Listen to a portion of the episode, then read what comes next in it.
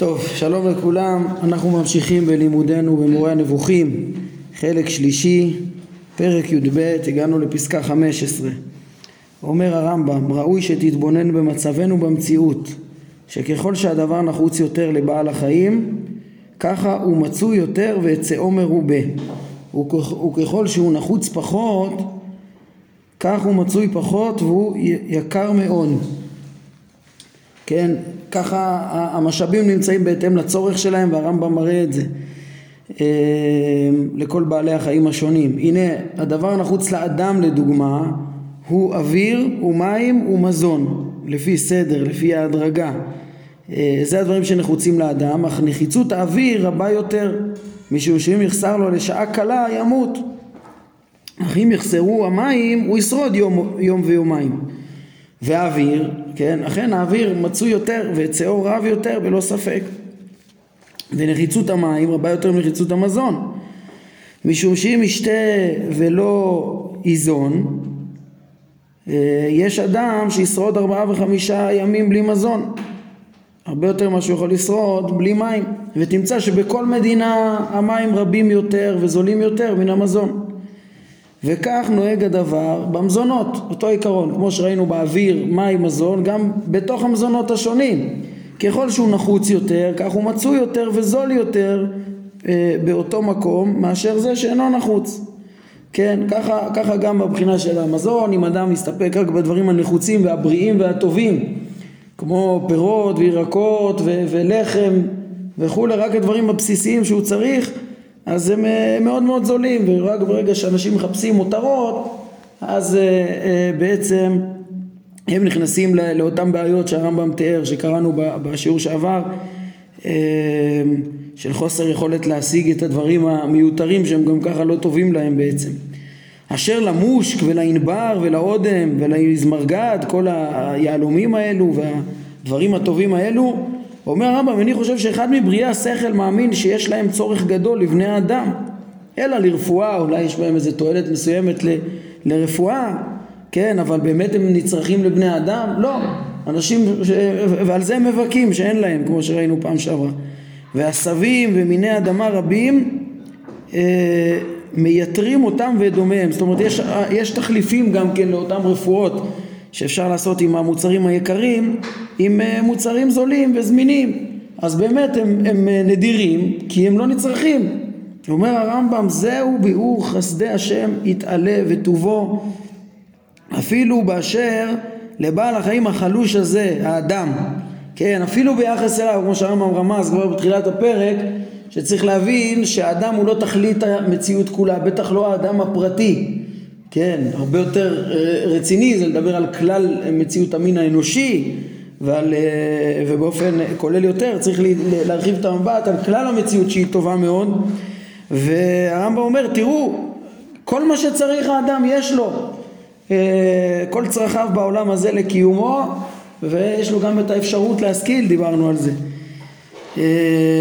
וכן אלוהים עשה את האדם ישר והמה ביקשו עשבונות רבים, כן, הרמב"ם מביא את הפסוק הזה, כן, אה, מקהלת, אז אה, כן, בני אדם בבחירתם הרעה, ראינו הרמב"ם פירט בהרחבה איך שמקלקלים את, אה, את גופם ואת נפשם, הרמב"ם פירט שתי סיבות למה הנפש מתקלקלת, הן בגלל ההשפעה שלה מה, מהגוף, כי היא כוח בגוף שקשור לגוף, והן בגלל התשוקות המיותרות שאדם אה, אה, משתוקק לאין סוף הרבה יותר ממה שהוא יכול לקבל ויוצר לעצמו את, את האשליה של הרע כאילו הכל רע. אבל בעצם הרב אומר הנה אם נתבונן מה שבאמת נצרך מה שבאמת טוב לאדם הכל, הכל, הכל יש. וככה ביחס לכל יצור חי ואפילו ביחס לאדם כמה טוב יש לו. וביאור צדקו יתעלה כן, אפשר, כשמתבוננים בזה מבינים גם את, גם את כמה אה, חסדים וטוב השפיע אה, הבורא לאדם, כמו גם לכל מין ומין מבעלי החיים, וכמה צדק יש גם כן בהשוואה בין בני אדם, כן, וביאור צדקו יתעלה והשוואתו ביניהם, בין בני אדם, גם זה ברור מאוד. משום שבהתהוות ובכיליון הטבעיים אין פרט ממין כלשהו מכל בעל, אה, אה, מיני בעלי החיים המתייחד בכוח מיוחד בו או בעבר נוסף על פרט אחר ממינו. אלא כל הכוחות הטבעיים והנפשיים והחיוניים והאיברים הנמצאים בפרט הזה הם נמצאים באחר בעצם כן? אין, כל, כל דבר שהוא מהותי במין מסוים שזה בעצם כל מה שהוא היה יכול לקבל, כל השלמות, ש... אז, אז יש לו, לכל פרט יש את כל השלמויות הנצרכות באמת אה, אה, לאותו פרט, ב, בכל מין ומין ככה זה, כן? אה, ואם יש חיסרון, הרי הוא במקרה, בגלל דבר ש, שאינו בטבע הפרט, שהתרחש באקראי, וזה נדיר, כפי שבהרנו. כן, זאת אומרת באופן נדיר יש מומים מולדים ופגעי טבע שכן מתוך אחד לאלפים, מתוך כל מין יכול להיות אחד שלא נשלם בו צורת המין, אבל בעיקרון הקדוש ברוך הוא משפיע מציאות ונותן צורה למין שחלה בכל פרט ופרט עם כל הכוחות של המין, כל הכוחות העקרוניים המהותיים יש, כן? זה לאפוקה הבדלים שיכולים להיות רק בדברים לא מהותיים, לא משמעותיים, כן? הרמב"ם אומר אין כל עליונות של פרט על פני חברו מן הפרטים הולכים בדרך הטבע מלבד מה שמתחייב מצד השוני בין הפרטים במוכנות החומרים שזה הכרחי לטבע, לטבע החומר, אותו מין בלי שהייתה כוונה לפרט מסוים על פני האחר. זאת אומרת זה גם כן, אין פה, יש פה אנחנו נראה בהמשך הפרקים את ההשגחה על, ה, על, על בעלי חיים שהיא רק על המינים בעצם. כן, הרמב"ם מדבר על זה בפרק י"ז שיגש לדיבור על עצם ההשגחה עצמה אחרי כל ההקדמה הזאת שאנחנו עוסקים בה על הבנת הסדר והצדק שבטבע. אז הוא ידבר שם על השגחה, ש... איך ההשגחה על בעלי חיים היא השגחה כללית על כלל המין, על חוקיות מסודרת בלי השגחה פרטית על כל אחד ואחד. זה בעצם כלול גם כן מה שהרמב"ם אומר כאן. הוא אומר כל ההבדלים שיש בין הפרטים זה רק הבדלים שמתחייבים מצד ההבדלים בחומר שיכולים להיות מצד החומר, זה לא דברים מהותיים, זה דברים פרטיים, פה החומר מימש את הצורה בצורה אה, מושלמת יותר ופה קצת פחות ופה בצורה אחת ופה בצורה אחרת, ככה בכל פרט ופרט, רק מצד החומר יש הבדלים, ממילא ההבדלים הם לא בדברים מהותיים, כן? אה, ואין פה כוונה של אפליה, כאילו. יש, יש פשוט, יש צורך במין מסוים וכל הפרטים יממשו את אותו מין, כל ההבדלים ביניהם יהיו בדברים שוליים שהם מתחייבים מצד חומרם.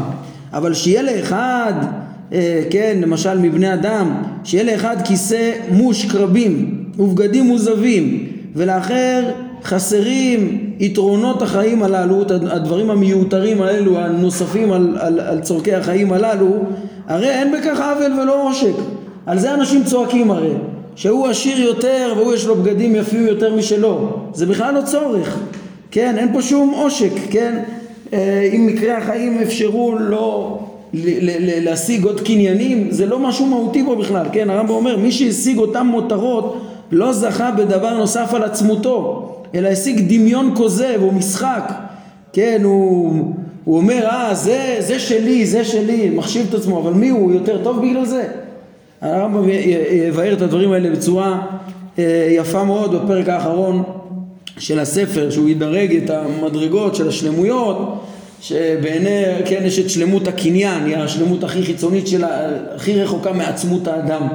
שרוב בני אדם הרמב"ם מתעסקים ב, ב, ב, בשלמות הזאת. רוצים שזה יהיה לי ויהיה לי ויהיה לי אבל זה בכלל לא משלים אותו כלום. זה לא מוסיף בו כלום הרמב"ם מסביר את זה מאוד יפה אפילו יותר מפורט מפה אני חושב בהמשך כן פרק נ"ד ולמעלה מזה יש את שלמות הגוף שזה כבר יותר שייך לאדם עצמו אבל זה עדיין רק גופו זה עוד לא מהות האדם. ולמעלה מזה הרמב"ם מדבר על המידות של האדם ועל הדעות שלו ששם באמת הוא קונה את עצמיותו אה, וזה באמת מעלה כן אבל, אה, אבל, אבל דברים אה, הבדלים בקניין זה לא באמת יתרון זה דבר נוסף על עצמותו זה לא הוא בעצמו כל מה ש, שנותן לו בעצמו זה דמיון כאילו יש לו עוד איזה תוספת. ולזה שנעדרו ממנו יתרונות החיים לא חסר דבר הכרחי. ולא העדיף המרבה והממעיט לא החסיר איש לפי אוכלו לקטו כן כמו שהמן ניתן שווה בשווה לכולם שזה דרכו של אה, אה, הקדוש ברוך הוא לתת אה, כל אחד לפי צורכו, אז ככה גם בכל הטבע, את כל הטבע הוא בנה, שמה שנצרך יש לכל אחד את הדברים המהותיים וקניינים ודברים מיותרים, זה, זה דברים מיותרים.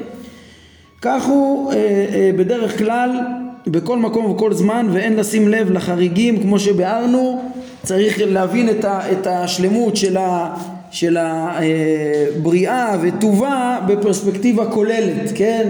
שחלק מזה זה מאוד מאוד משמעותי, זה שבכלל יש חריגים פה במציאות, חלק משמעותי מזה זה להבין גם כן את המקום של החומר בתוך המכלול של הבריאה השלמה שהבורא יצר, שפה זה אפילו החומר הכי פחות, גם בו יש שלמות, כן? וכיוון שהוא החומר הכי פחות, יש בו גם כן את החריגים האלה מצד המרחק שלו מהמוחלטות של הקיום של הבורא, שנאורה אימה אה, שרה האור איתו וזה החוף, החוש, אנחנו בחושך סביבה שגם הוא פלא פלאים מתוך ההיעדר הזה הבורא ממציא מקסימום מציאות שאפשר כמו שדיברנו בהרחבה.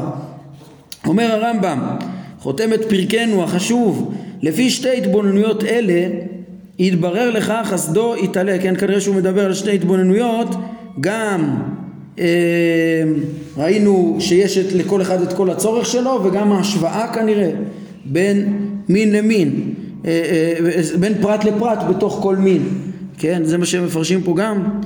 אה, חסד השם כלפי הברואים אה, גם כלפי פרטי הברואים ומה? וגם על, על כלל המציאות.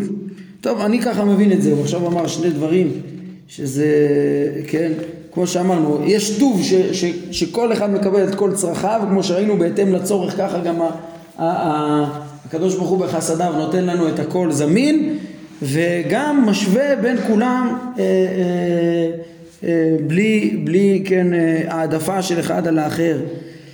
אה, אז, אה, אז לפי שתי התבוננות אלה יתברר לך חסדו יתעלה על ברואיו בכך שיביא למציאות את ההכרחי כסדרו ובכך שישווה, כן בדיוק כמו שכתוב פה מפורש ובכך שישווה בין פרטי המין ובריאתם. לפי התבוננות אמיתית זו כן על פיה מתוכה אמר אדון החכמים כן משה רבנו בשם השם בתורה צור תמים פועלו כי כל דרכיו משפט כן פועלו כלל המציאות שלמה תמימה, כל דרכיו משפט, בצדק, אל אמונה ואין עוול, צדיק וישר הוא. אה, כן, אנחנו כבר מתקדמים בפרקים האלו של ההבנה של הסדר של המציאות ובאמת מבינים איך הכל פה, באמת איך כל פעולו תמים וכל דרכיו משפט אה, בלי צד, בצדק בלי שום עוול. אה, כבר בחוקי הטבע נראה כולו וכולי. ואמר דוד כל אוחות אדוני חסד ואמת לנוצרי וריתו ועדותיו כן אז כולם חסד ואמת כמו שביארנו אפשר שהחסד והאמת זה שתי הבחינות שהוא מדבר עליהן החסד בהבאת המציאות ואמת אה, אה, בהשוואה בין כולם יכול להיות לפרש את זה ככה כן? ובפירוש אמר דוד טוב אדוני לכל ורחמיו על כל מעשיו. אה, כי הבאתו למציאות, הבאתנו למציאות היא הטוב הגדול הגמור כמו שביארנו. כן זה המצאה מן העין שהמציאות היא טוב. עצם זה שהוא הביא אותנו למציאות ולמציאות שמתקיימת כלא בכל פרט. במין בכל פרט יש לו את הפוטנציאל גם לקיום האישי. כן ובריאת הכוח המנהיג את בעל החיים היא הרחמים עליו כמו שביארנו כן הכוח המנהיג זה גם כן מה שמאפשר לו להתקיים אנחנו בעצם להתקיים פה בעולם הזה. כל הזמן שהוא מתקיים זה מכוח הכוח המנהיג. הנה הם מציינים פה גם כן אה, למקומות שכבר דובר על הכוח המנהיג, למשל בחלק אה, ראשון, פרק אה, ע"ב, אז הרמב"ם מקביל בין האדם לעולם כולו שנקרא אדם גדול אז בין השאר אה, הוא תיאר שכמו שיש באדם כוח מסוים שקושר את איבריו זה לזה הוא מנהיגם ונותן לכל עבר את מה שראוי כדי לשמור על כושרו ולהרחיק ממנו מה שמזיק לו. זאת אומרת אה, יש אה, איזה מין אה, חפץ הישרדות כזה שמנהל את, מפעיל את כל החושים במקום הצורך. והוא שדיברו עליו במפורש הרופאים וקראו לו הכוח המנהיג את הגוף החי כן ופעמים רבות הם מכנים אותו טבע שיש לדבר טבע להתקיים להתפתח לשרוד עם כל הכוחות שיש בו. אז כמו שיש את זה באדם, ככה הוא שם באותו הקשר אומר שזה קיים גם כן בעולם כולו, כל הטבע מתנהל עם חוקיות ששופעת אה, אה, בעצם מאת הבורא, דרך הזכלים והגלגלים, הקדוש ברוך הוא נותן ומשגיח נלמד בהמשך פרקי השגחה, שזה בעצם השגחה, השגחה לתת לכל אחד את כל הצרכים שהוא רוצה, איזה חסד, איזה חנינה יש בדבר הזה. עכשיו אותו כוח המנהיג ושהבורא בעצם נותן, אה, אה, ממציא אותנו ונותן לנו את האפשרות להתקיים אה, אגב גם בפרקי מעשה המרכבה אז הרמב"ם רמז את זה? בידי החיות. כן שזה שתי ידיים. מה זה שתי ידיים? הכוח להוות את הנמצאים ו, ולקיים אותם שזה ידי אדם זה פעולה מחושבת כן דיבר על זה פרק ב' בחלק שלנו הדבר הזה גם כן דובר בחלק ראשון, אולי כדאי לראות גם את הדברים שם, אה, בפרק נ"ד. פרק נ"ד שהרמב"ם דיבר על י"ג מידות רחמים ולימד אותנו שם בהקשר של פרקי התארים שוודאי שאי אפשר לייחס לבורא אה, תארים אה, של התפעלות נפשית כמו המידות כמו שאנחנו מכירים אותם אצל בני אדם אז מה זה י"ג מידות הרחמים? זה תארי פעולה ש, שרק מתארים מה בא מאיתו, כן? כ, כ, ש, שאצל, אילו זה היה בא מבן אדם, זה היה מגיע מתוך התפעלות של אה, רחמים או, או, או פעולה של חנינה וכולי, ככה הרמב"ם מסביר שם את הדברים. אז הוא מתאר למשל מה זה, מה זה להיות אה, אה, אה, חנון אה, כלפי, אה, על מה, מה הבורא נותן לנו כדי אה, ש, ש, ש, שבזה הוא נקרא חנון, כן, אז למשל הוא מתאר, כן, בכל עת שתושג פעולה מפעולותיו, אני קורא פסקה 7 באלף נ"ד, אה, אז אה, יתואר הוא יתעלה בתואר שאותה פעולה יוצאת ממנו ויקרא בשם הנגזר מאותה פעולה אבל מה שקורה במציאות זה רק פעולה באה מאיתו בלי פעלות התואר הוא לא מדויק כן לדוגמה כשמושגת עדינות, עדינות הנהגתו בהתהוות העובר ויצירת כוחות בו ובמי שמגדל אותו לאחר לידתו המונים אותו מן המוות והאובדן ושומרים אותו מכל פגע ומועילים לו בהתנהלותו ההכרחית, כן? ויש פה בעצם, זה, זה בעצם הטבע שטבוע בו, זה אותו כוח מנהיג ש, ש, ש, שנותן את ההתקיימות ו, וכל הכוחות של ההישרדות והקיום בעולם הזה והניהול בעולם הזה של החי, כן? ופעולה זו כגון, פעולה כגון זו אצלנו היא לא תצא אלא לאחר היפעלות ורוך והוא עניין הרחמים. אז כשרוא, כשרואים שהגיע מאיתו הכוח המנהיג אז הוא נקרא בהשאלה אה, נאמר עליו יתעלה רחום כן? וכולי לא שהוא יתעלה אה, נפעל ורך אלא כדוגמת אותה פעולה שיצאה מן האב על הילד שהיא תוצאה של רוך וחמלה והיפעלות בלבד יצא ממנו יתעלה אה, כלפי הקרובים לו לא כתוצאה מהיפלות או שינוי. כן, אותו דבר הזכרתי פה קודם בפרק, אנחנו ראינו, כשהרמב"ם דיבר על פגעי הטבע, נכון, היה פה בפרק אה, שלושה אה, אה, סוגים של רעות, הרמב"ם הראה שיש מעט שבמעט פגעי טבע, יותר הרבה רעות מבני אדם אחד לשני, והרבה ביותר זה מה שאנשים גורמים לעצמם, אדם לעצמו, שזה בשליטתם, ו- ו- ועוד בזה מאשימים את הבורא, כשזה באשמתם.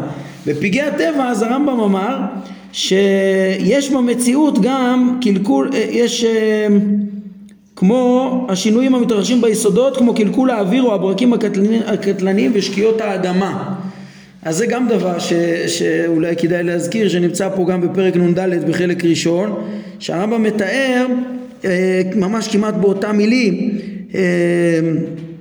ששקיעות הקרקעות ורעידות האדמה והברקים הקטלניים הם שאלה שקיימים בטבע הם בעצם מה ש... ש, ש ש כשהם קוראים מכוח הבורא זה, אז, אז זה, על זה נאמר שהוא קנו ונוקם ו, ונותר ובעל חמאה כן? שאצלנו פעולות כאלה יוצאות מתוך התפעלות נפשית כזאת.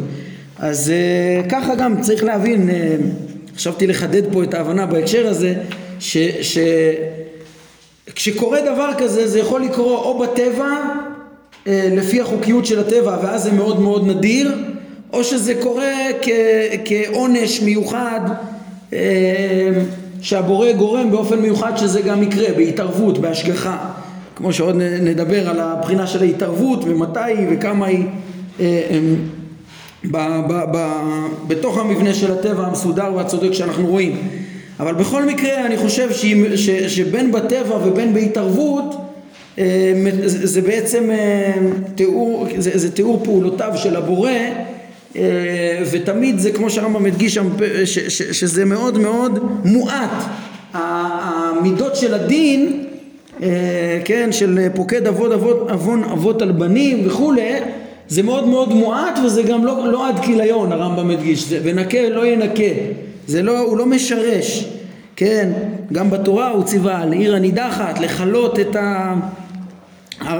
עובדי עבודה זרה הוא אמר, מה זה לפקוד אבות על בנים עד ריבעים, זה, זה להרוג אה, עיר שלמה, עיר הנידחת, שהוא ציווה על זה, זה מכלל פעולותיו, אבל רוב מידותיו רחמים וקיום. אני חושב בהקשר שלנו לחדד את זה, כן, כמובן יש את ההיבט שלפעמים הבורא מעניש ו- ו- וגורם למהפכות, כמו מהפכת סדום למשל ועמורה. כן, הרמב"ם באיגרת תימן למשל מדבר בפירוש על, ה- על זה שזה פשיטא ששם זה היה עונש, כמו שזה מתואר בתורה, וזה היה משהו רצוני, אלוהי, שגלגל את העניין הזה, את הענישה הזאת. כן, ובהרבה מקומות הרמב"ם מדבר על, הש... כשהוא מדבר על ההשגחה, בהלכות תעניות, אנחנו נראה גם בהמשך המורה בחלק חלק שלנו בפרק ל"ו, הרמב"ם מדבר על מצוות שמחזקות את האמונה בהשגחה, הלכות תעניות אמרתי ועוד, ואיגרות, איגרת תימן, איגרת חיית המתים, איגרת גזירת הכוכבים, הרבה מקומות הרמב"ם מדבר על יסוד ההשגחה, אז מה הוא מדגיש שם? הוא מדגיש שאסור להתייחס, לישראל לפחות על כל פנים, אסור להתייחס למאורעות ולפגעים שקורים להם כמקרה כי פה הכל בדין, כל דרכיו משפט, כן? אה, זה חייב להיות, חייבים להבין שהכל פה בצדק ולהתעורר לתשובה. ו, ו, אז, אז באותם מקומות הרמב"ם מדגיש ש, שזה עונש מאת הבורא. אה, ופה אנחנו מבינים שיש הרבה פעמים שזה גם קורה בטבע וגם פה זה מכלל הפעולות וגם פה זה בצדק. גם פה זה בצדק. זה שהבורא מטיב את המקסימום שאפשר שמעט אה, לחומר פחות מאוד יהיה גם את, אותו, את אותם חסרונות באופן אדיר זה בצדק אנחנו נלמד איזה אנשים מיוחדים, יודעי השם, נביאים, הם גם כן ניצול, יכולים להינצל מפגעים כאלה בהשגחה. אבל בעיקרון, בקיצור, זה, זה אה, כל דרכיו משפט, אה, ועוד נדבר על, על הפער הזה בין ההבנה הפשוטה של, של המשפט שהכל נעשה בכוונה גם לבין, לבין ההבנה שגם הסדר הטבעי כמו שהרמב"ם מרחיב פה בפרקים שלנו הוא בעצם אה, אה, הכל גם כן נעשה הוא גם כן משפט. כמו, כמו שהרמב"ם חתם את הפרק שלנו.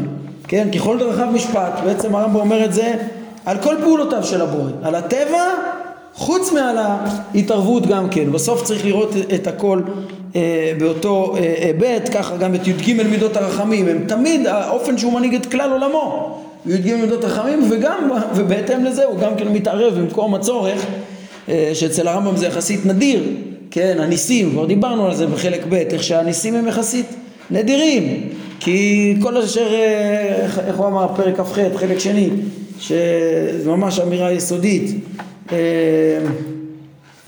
ש, שאשר יעשה האלוהים הוא יהיה לעולם, עליו אין להוסיף וממנו אין לגרוע, כן? ו, ורק האלוהים עשה שיראו מלפניו, זה הניסים.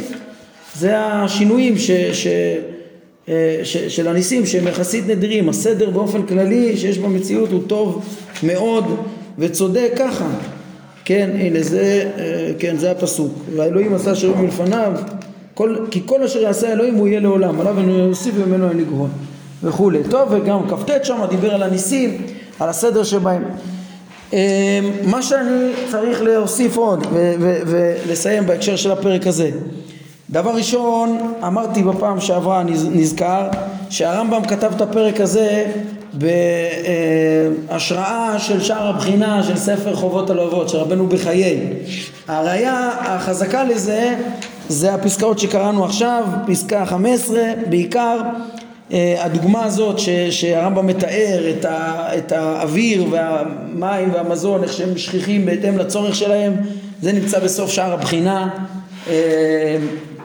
כן, ולעומת הכסף והזהב וכולי, בסוף שער הבחינה בפרק חמישי, פרק חמישי זה עיקר ההתבוננות של הבחינה של טוב השם בכל המציאות, בחינה מופלאה, מאוד כדאי לקרוא את הפרק הזה אפילו בפני עצמו, פרק חמישי משאר הבחינה, ובסוף הפרק שם נמצא ההיבט הזה, לכן ברור לי שהרמב"ם לקח את זה משם.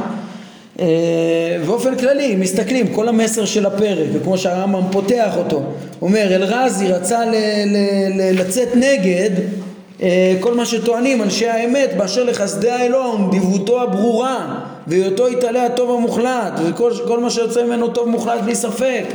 זה אמירות שכל כך uh, מתפרשות יפה ומובנות שזה המסר המרכזי שם בכל שאר הבחינה וכמו שהרמב"ם סיים את הפרק שלנו עכשיו בחתימה כן, שיתברר לך חסדו יתעלה על ברואיו וכולי אז uh, אז הרמב"ם בא להפריך את הטענה של אלרזי ולחזק את אנשי האמת כמו חובות הלוות שפרסמו את טוב השם אה, כמו שאמרתי שם בשער הבחינה. עוד אני רוצה לציין, אז זה, אז זה הבחינה של ההשפעה של חובות הלוות שרציתי להזכיר. חוץ מזה ההבחנות שהרמב"ם אה, הבחין פה אה, של המקום המועט מאוד של הרע יחסית שיש ושרוב הרעות מהאדם עצמו זה דברים שגם הרמב"ן הביא אותם בשער הגמול כשהוא דיבר על צדק ההשגחה ושיבח אותם, כמובן דברים חשובים ויסודיים, כן, הרמב"ן בא להתמודד עם השאלות על ההשגחה ו, וככה גם אותו דבר אני חושב גם באור השם מביא את הדברים האלה, אם אני לא טועה, ובטוח שגם בספר העיקרים מביא, מביא את, את הדברים האלה שהכל, הם כותבים את זה בסגנון של הרמב"ן, הרמב"ן כשהוא, כש, כשהוא ניגש לשאלה של צדק ההשגחה אז הוא אומר לפני שאתה בכלל אה, אה, לפני שאתה ניגש להגיד שיש פה, אה, כן, לשאול איך יכול להיות צדיק ורע לו, רשע וטוב לו, צריך לבדוק האם באמת מי שאתה חושב שהוא צדיק הוא באמת צדיק והאם באמת רע לו?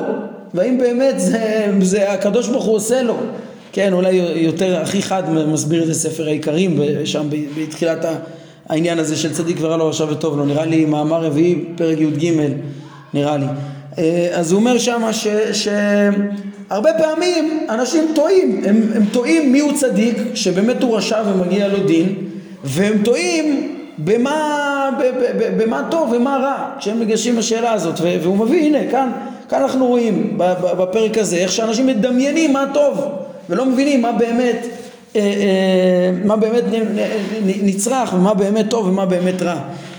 אה, אז הם פותחים, אמר, אמרתי הרמב"ן גם פותח בדבר הזה הוא ותלמידיו אחריו ומשבחים את זה. אלה שרציתי לציין ננסה בקצרה כן, להסביר גם, הרמב"ן גם לא, לא יש לו פה גם מחלוקת מסוימת עם, אה, עם, עם, עם הרמב"ם, הוא מביא את הדברים ומשבח אותם, אבל מבחינתו הוא לא יכול להסתפק במה שנאמר פה. כן, אז האמת שגם אה, הרמב"ם צריך להבין את התמונה השלמה כדי להבין באמת את מקומו של הרע במציאות, אבל, אבל גם אחרי כל ההסברה שאנחנו נלך אה, ונבין את הרמב"ם, שהרמב"ם בסוף מבין שהחומר הזה הוא הוא, הוא פחות ו, ו, והוא הכי טוב שהיה אפשר לעשות ולא היה אפשר יותר מזה אז גם הדבר הזה אמ, כן ואיפשהו יכולים להיות פגעים מסוימים מעט מאוד מועטים אבל גם במקומות שכאילו לא היינו רוצים אותם מצד הכרח החומר. הדבר הזה מפריע לרמב"ן אמ, ואגב הוא גם מפריע, הפריע לרב קוק בהערה שהוא כתב על הפרק שלנו בספרו האישי בספרו האישי הוא בגיל מאוד צעיר העיר על זה אה, הערות וגם כאן הוא מעיר שהוא אומר על הפרק הזה הוא אומר נו הרמב"ם מצוין הסברת לנו ש, שהכל ש, שהרעות מאוד מאוד מועטות אתה צודק נכון באמת צריך להאשים את בני האדם אבל אותו מעט שיש מצד פגעי החומר מה הבורל לפי, לפי הרב קוק אומר היד השם תקצר בטח שהוא יוכל אה, ל, ל, ל, לתקן גם את זה כן? אז האמת שזה שייך לפרק ט"ו, לסוגיה של הנמנעות, וזה אנחנו נדבר בעזרת השם בפרק ט"ו, על הפתרון שהרב קוק הציע. קודם כל, מה שהוא שווה לרמב"ן זה מה שהפריע לו. לא יכול להיות שאפילו אותו קצת, ביחס לבורא גם קצת רע לא יכול להיות.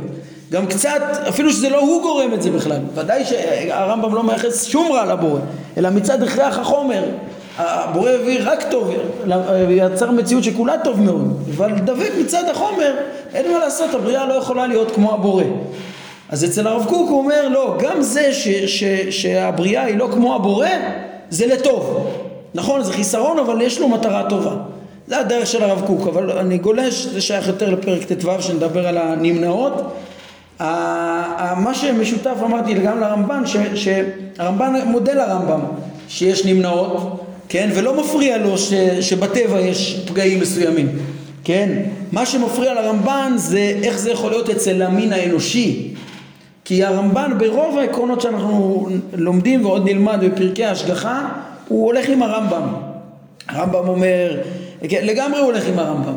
הוא מודה שאנחנו נראה בהמשך שההשגחה, אנחנו כמו שאמרתי עוד בענייני הטבע, אבל מפרק י"ז ואילך שנעסוק בדעות ההשגחה, אז uh, הרמב"ם יגיד שההשגחה היא רק על המין האנושי. ההשגחה של ההתערבות, של שינוי חוקי הטבע, היא רק על המין האנושי. הרמב"ן כותב את זה, ומשבח את הרמב"ם בזה, חוזר על זה כמה פעמים בכתביו. הרמב"ם ידבר בפרקים הסמוכים, י"ג י"ד, על זה שהמין האנושי הוא לא תכלית כל המציאות כולה. הוא תכלית כל מה שבכדור הארץ, תחת גלגלי ירח. גם הרמב"ן מודה בזה. אה, זה שיש טבע, זה שיכול להיות מקרים, כן. אבל במין האנושי הרמ, הרמב"ן לא מוכן שיהיה איזה פגם מסוים אה, מצד החומר ולכן הוא אומר שיש חשבונות שאיננו מבינים ואצלו הסודות הגדולים של ההשגחה והצדק שכאילו מה תעשה פגע, פגע מולד באיזה תינוק הוא עשה משהו? מה שהרמב"ם אומר שזה נדיר וזה מצד החומר וזה לא הבורא בזה הרמב"ן אומר לא חייבים להוסיף את סוד העיבור מה שנקרא גלגולי הנשמות שזה סוד גדול אי אפשר להתעסק בו אי אפשר להבין את הסדרים שלו אה, אבל ככה הוא רומז את זה, לדעתו זה מה שהוא רומז גם בספר איוב. הרמב"ן כאילו אומר, חייבים להגיד שיש צדק מוחלט, ואם יש משהו לא מובן, גם הוא בחשבון של השגחה. כן, זה מאוד שונה מהתשובה של הרב קוק, זה לא הנושא שלנו עכשיו. אבל כאילו להגיד ש, שכל הרעות בכלל, כולם טובות בעצם, כי הם לטוב. לא, זה לא מה שהרמב"ן אומר. הרב קוק הוא הרמח"ל בעניין הזה. אבל, אבל אה, הרמב"ן הוא, הוא, הוא אומר במין האנושי יש צדק בהתאם למעשים, משפט, משפט צדק ובשביל זה צריך להרחיב את הפרספקטיבה גם לגלגולים אחרים לפעמים ואז יכול להיות צדק בהכל הכל, מה שקורה עם האדם הכל צודק, זה לפי הרמב"ן וכן, אז זה בעצם מה שציינתי, שלכם רק את הסדר, רציתי להגיד שהרמב"ן לא יסתפק באמירה הזאת, שלמין האנושי יהיה איזה אה, משהו שלא יהיה רק מצד המשפט האלוקי אה, בצדק, מצד הכרח החומר, אלא זה יהיה אה, חייב להיות מלמעלה. הרמב"ם לעומת זאת, כמו שאנחנו נלך ועוד נסביר, אז הוא, הוא מבין את, הוא יביא דעה מעין זו של הרמב"ן בהמשך בפרקי ההשגחה. כשניגש לפרקי ההשגחה הוא יגיד, יש דעה כזאת, זה דעה נכונה. זה הדעה גם ש... שמדר... ש... ש... זה ההבנה הפשוטה של יסוד התורה. כל אדם צריך לדעת שהכל במשפט, כן? אלא מה? שמי שיעמיק, הרמב"ם יעמיק לא בהבנת יסוד תורתנו, אלא בהבנת ההשגחה על דרך הסוד, אז לא, הוא לא יסתפק באמירה כוללת, אה, יש מהלכים שאני לא מבין. הרמב"ם גם לא סובר את הפתרון של הגלגול, הוא לא יכול ללכת עם זה, כן? אבל, אבל הוא גם לא יכול עקרונית להסתפק באמירה כזאת אה, אי אפשר להבין, כן, יש את הבורא עצמו אי אפשר להבין, אי אפשר להבין את סוד ההשגחה.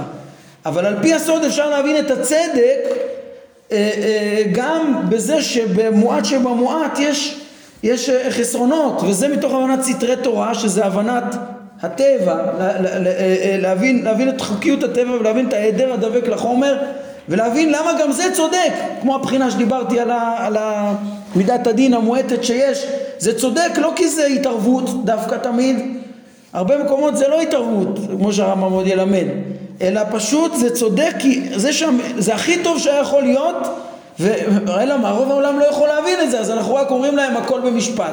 והם בטעות חושבים שהכל במשפט, זה אומר הכל בהתערבות ולא בטבע.